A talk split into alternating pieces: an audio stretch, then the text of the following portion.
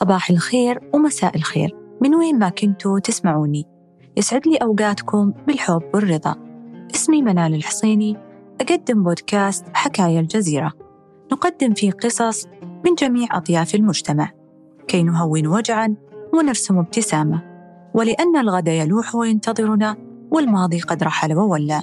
وقد تواعدنا مع أفق الفجر الجديد ليلقي في قلوبنا فيض من الأمل والسعادة. سحابة ورد تحمل الكثير من اسمها ومن لقبها.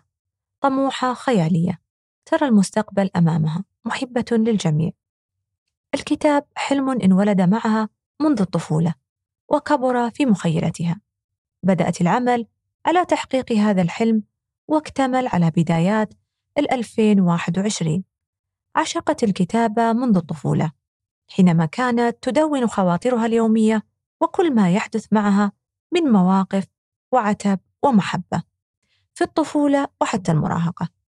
فكرة الكتاب انولدت من أول هدية تذكارية في المرحلة الثانوية أهدتها إياها صديقتها المقربة واليوم صدر لها كتاب بعنوان سحاب برائحة الورد يحمل الكثير من مقتطفاتها الشعرية والأدبية وركزت على المقال والخواطر وكتابة القصة.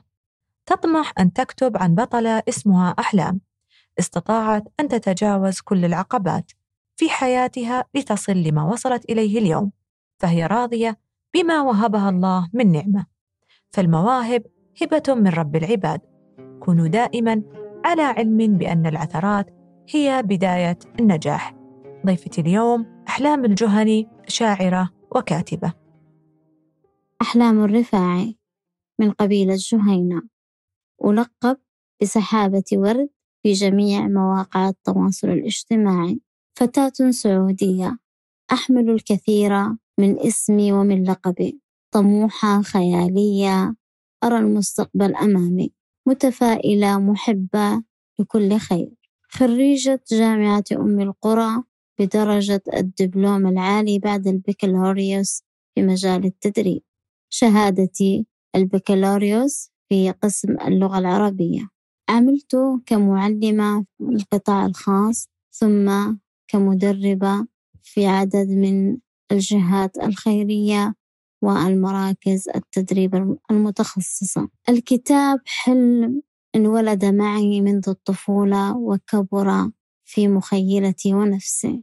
اليوم وأنا في 2020 بدأت في العمل على تحقيق هذا الحلم واكتمل هذا الحلم على مشارف أو بدايات 2021 أحمد الله كثيرا على هذا الإنجاز وهذا الهدف. قصة الكتابة بدأت معي منذ الطفولة. عندما كنت أدون خواطري اليومية وكل ما يحدث معي من مواقف وعتب ومحبة في فترة طفولتي وفترة مراهقتي. فكرة الكتاب انولدت مع أول هدية قدمت لي هدية تذكارية من إحدى الصديقات في مرحلة الثانوية عندما أهدتني كتاب لأتذكرها بعد تخرجها.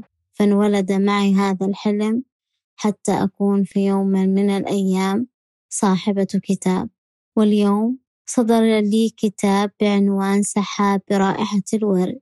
يحمل الكثير من مقتطفاتي الأدبية والشعرية. تدربت على الوزن والقافية وركزت على المقال والخواطر وكتابة القصة. لكل من لديه هدف في هذه الحياة لا تقف أمام هدفك تنظر إليه بل أعمل على تحقيقه. قد تواجه الكثير من العقبات قد تواجه الكثير من الصدمات قد تواجه الكثير من أعداء النجاح ولكن كن واثقا بأن هذا الهدف هو هبة الله لك. فاعمل واسعى لتحقيقه فالمواهب هبة من رب العباد. اعملوا حتى تكتسبوا الخبرات. وطوروا قدراتكم حتى تتمكنوا من صقل مواهبكم في المجالات التي ترغبون الوصول إليها. كونوا دائما على علم بأن العثرات هي بداية النجاح فلا تخشوا عثرة من العثرات التي تمر في حياتكم. ماذا كتبت وعن ماذا تحدثت؟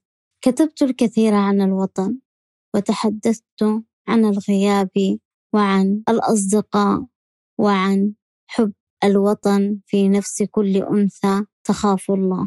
أطمح أن أكتب من جديد في قصص متسلسلة لحكاية بطلة اسمها أحلام استطاعت أن تتجاوز كل العقبات التي مرت في حياتها لتصل إلى ما وصلت إليه اليوم. أنا راضية كل الرضا على ما وهبني الله به من نعمة أحمد الله عليها. شاكرة لكم.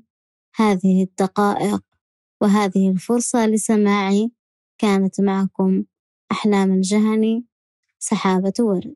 رمضان لا ترحل رمضان لا ترحل إلا وقد أنزلتنا نشتاق لرمضان في كل عام ونسعد وبلهفة المشتاق رباه لشهرك نلتقي. كيف للقلوب والعيون أن تقبل وداعك؟ وقد بدأ الوقت في رحيلك يا رمضان يتسارع. ندعوك ربي أن تتقبل صيامنا وقيامنا فكل منا يعمل لك رباه متضرعا. يرجو رضاك واغفر لكل غافل في الذنب لا يعمل. رمضان رمضان لا ترحل إلا وقد أمهلتنا. وقتا حتى تقبل دعواتنا. اللهم إنك عفو تحب العفو فاعف عنا. اللهم إنك عفو تحب العفو فاعف عنا.